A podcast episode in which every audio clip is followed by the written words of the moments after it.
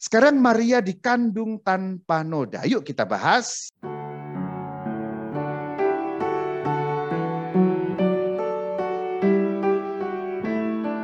Perayaan liturgis Hari Raya Maria dikandung tanpa noda adalah 8 Desember. Usahakan setiap 8 Desember dicatat kemudian misa. Tidak selalu jatuh hari Minggu, itulah kenapa harus kita ingat, kita catat supaya kita bisa ikut perayaan Hari Raya Maria dikandung tanpa noda ini. Dogmanya ditetapkan 8 Desember 1854 oleh Paus Pius ke-9 dalam surat apostolik Inevabilis Deus.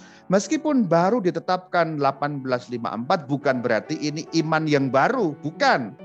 Imannya sudah dari zaman para rasul, tetapi penetapannya diakui resmi itu 1854. Jadi jangan salah mengerti. Kalau suatu dogma ditetapkan satu tanggal tertentu bukan berarti baru dibuat saat itu, bukan.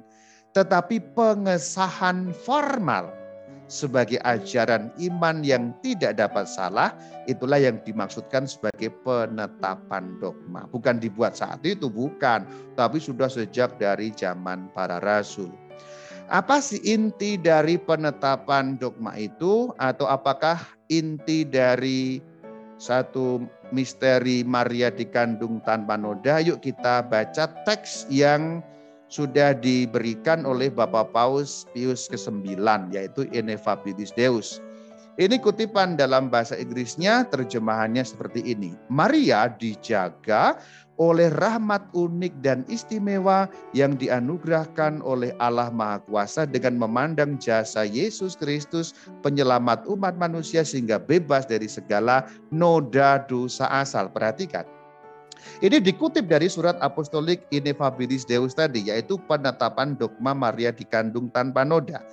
Sebenarnya kalau dimaksudkan tanpa noda itu maksudnya noda apa sih? Perhatikan bagian paling bawah warna kuning, noda dosa asal yang dimaksudkan. Jadi yang dimaksud tanpa noda itu maksudnya tidak memiliki dosa asal.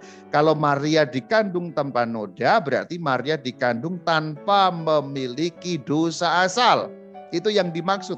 Noda yang di situ yang dimaksud bukan noda kotor itu ya. Noda itu baik, bukan ya. Kalau ada iklan begitu kotor, lumpur bukan, tapi itu maksudnya dosa asal.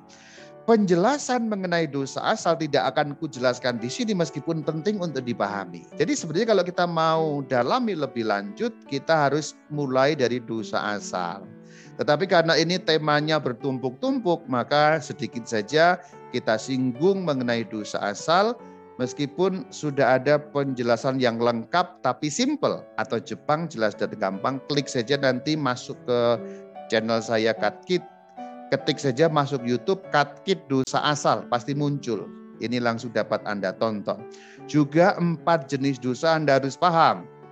Nanti Anda juga klik Katkit dosa, itu pasti sudah akan muncul. Tetapi mari kita bahas sebentar apa itu maksudnya empat jenis dosa. Dosa terbagi dalam dua bagian besar yaitu pekatum originale atau dosa asal dan pekatum personale atau dosa pribadi.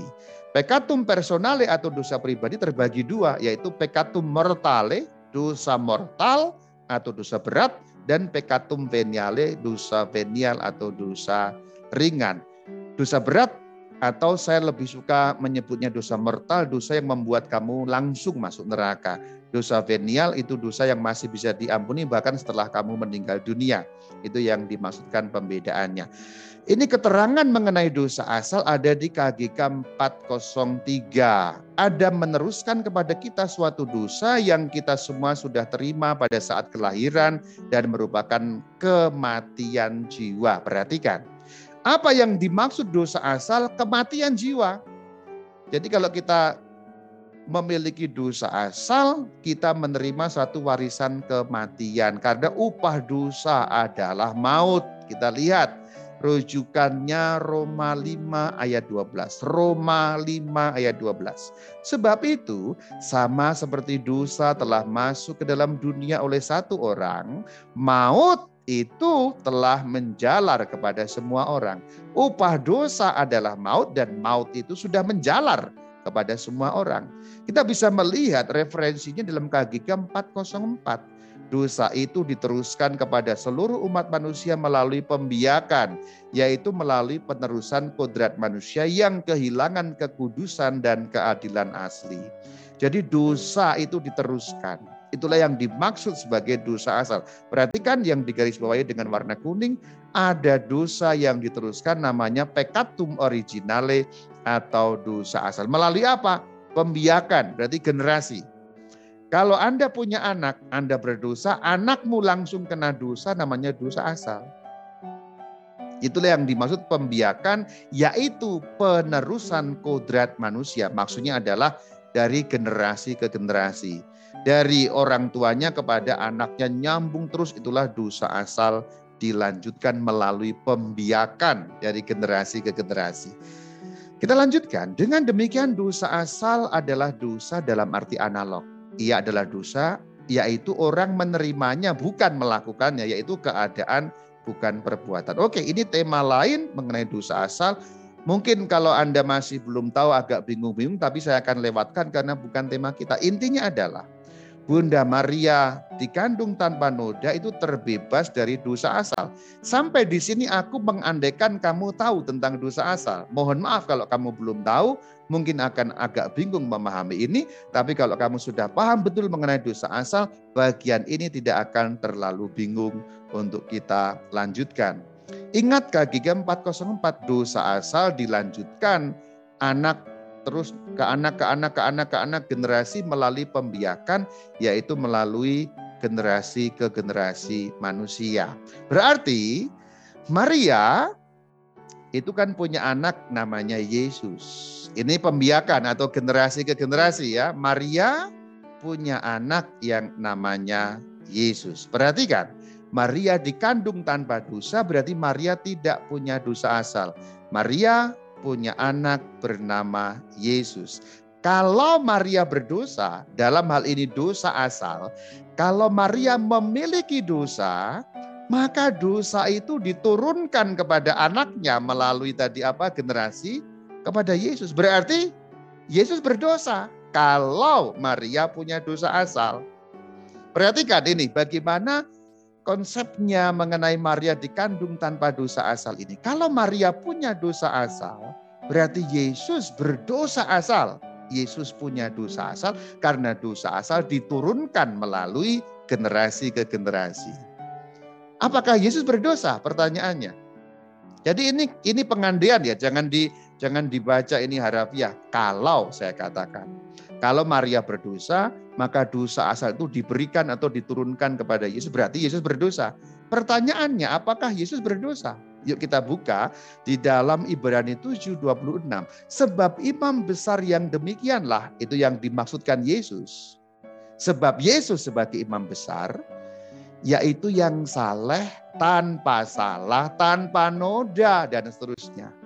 Jadi menurut Ibrani 7:26 jelas Yesus Kristus tanpa noda, tidak berdosa. Berarti kalau Maria tidak berdosa asal, kalau Maria tidak memiliki dosa asal, kemudian Maria punya anak bernama Yesus, Yesus tidak berdosa. Itu konsep atau ajaran gereja Katolik mengenai Maria yang harus dikandung tanpa dosa asal supaya Yesus Kristus tidak punya dosa asal.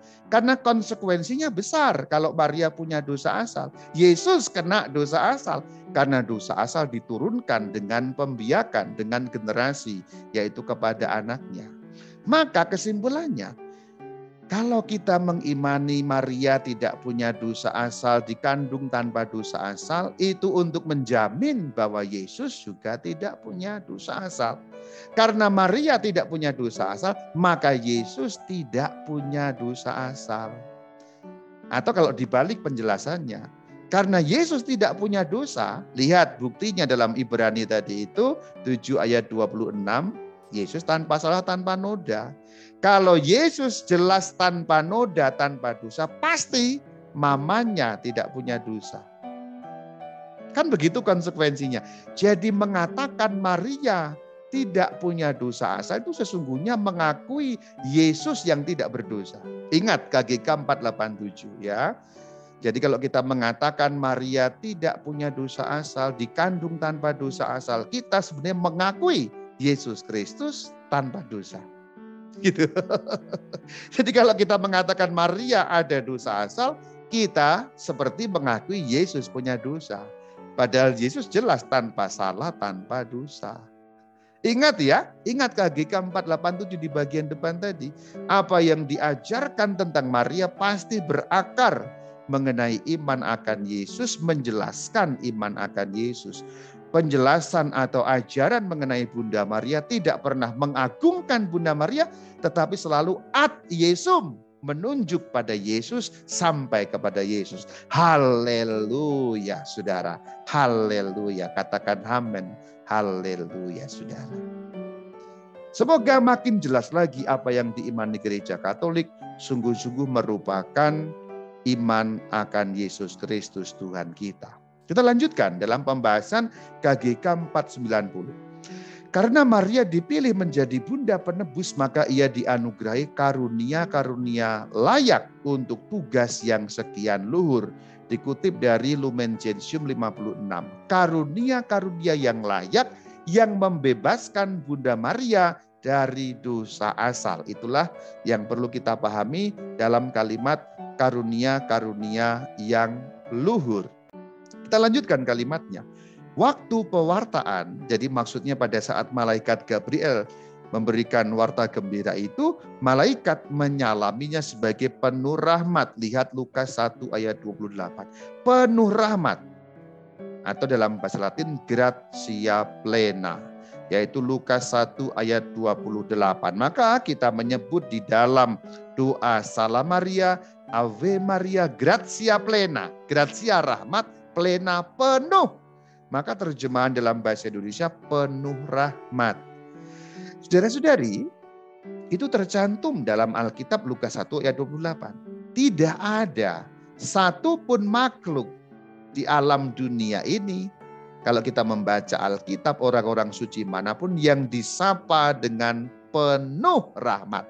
Tidak kurang suatu apa pun penuh berarti tidak diisi oleh kekosongan sekecil apa pun, tidak ada noda sekecil apa pun karena rahmat yang diterima itu penuh untuk menyiapkan Maria sebagai ibu sang penebus sehingga karunianya juga harus khusus. Maka setiap kali kita orang Katolik mengatakan Salam Maria penuh rahmat, kita juga sedang mengakui dogma ini, yaitu Maria dikandung tanpa noda, atau Maria yang tidak punya dosa asal, maka itulah disebut penuh rahmat. Dalam doa yang setiap kali kita ucapkan terkandung muatan iman ini. Juga terkandung muatan iman mengenai Maria Bunda Allah. Perhatikan kalimat kedua. Santa Maria Mater Dei tadi itu yang sudah saya sebutkan ya.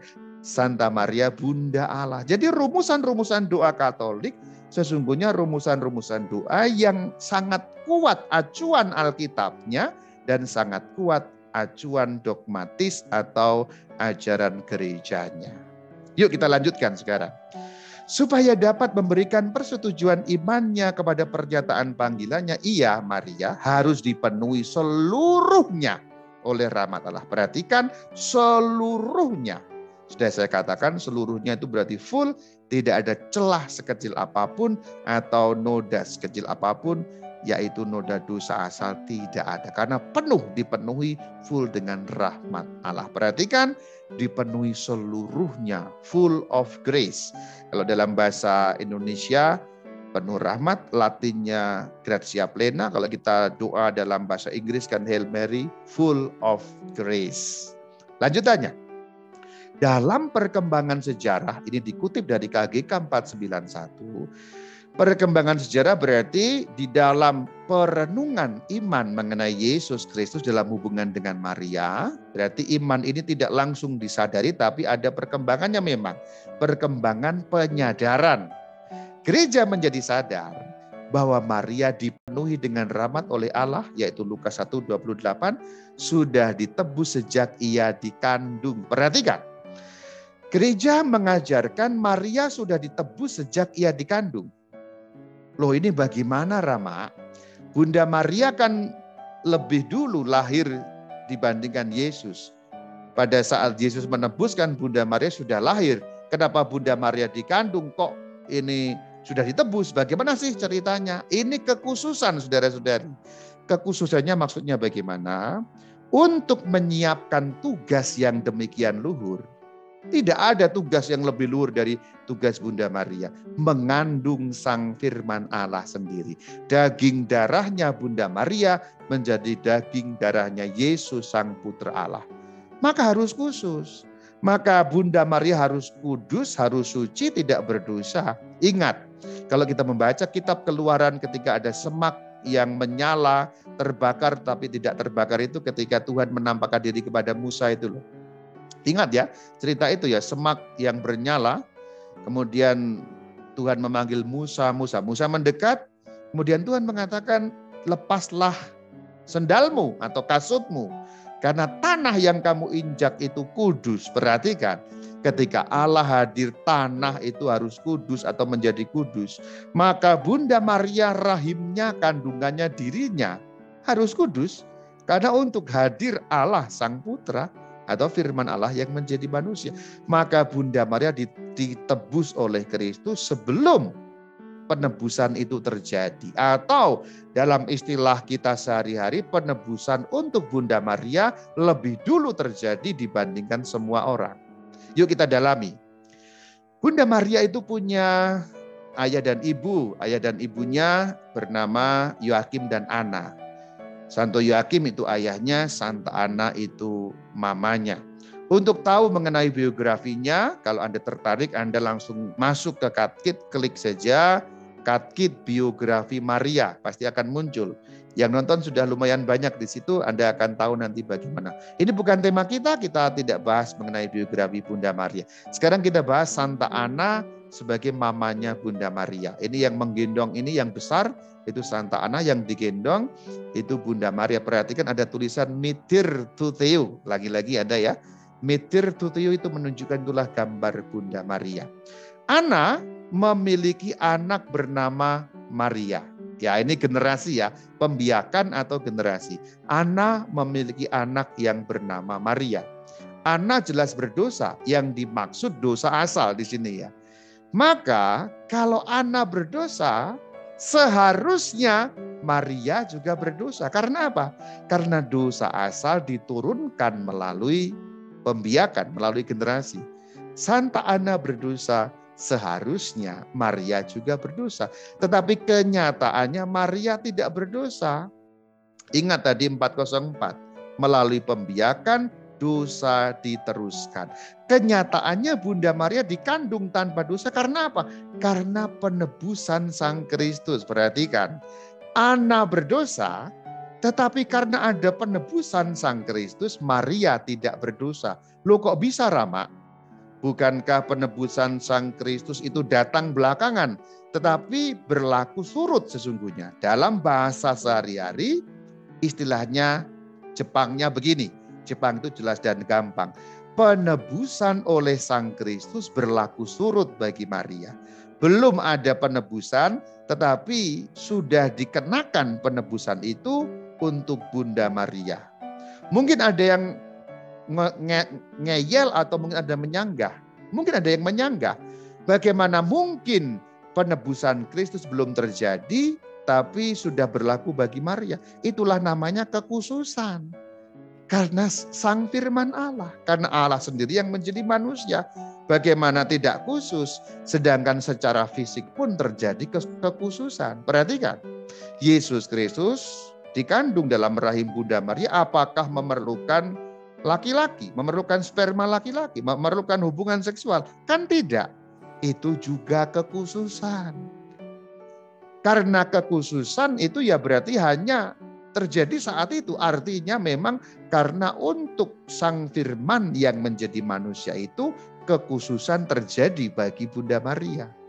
Supaya Maria tidak berdosa, agar Yesus tidak berdosa. Itu maksudnya demikian.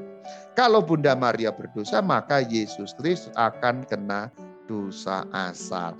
Inilah yang dimaksud ditebus sejak ia dikandung. Berlaku surut bagi Bunda Maria. Kita lanjutkan KGK 491.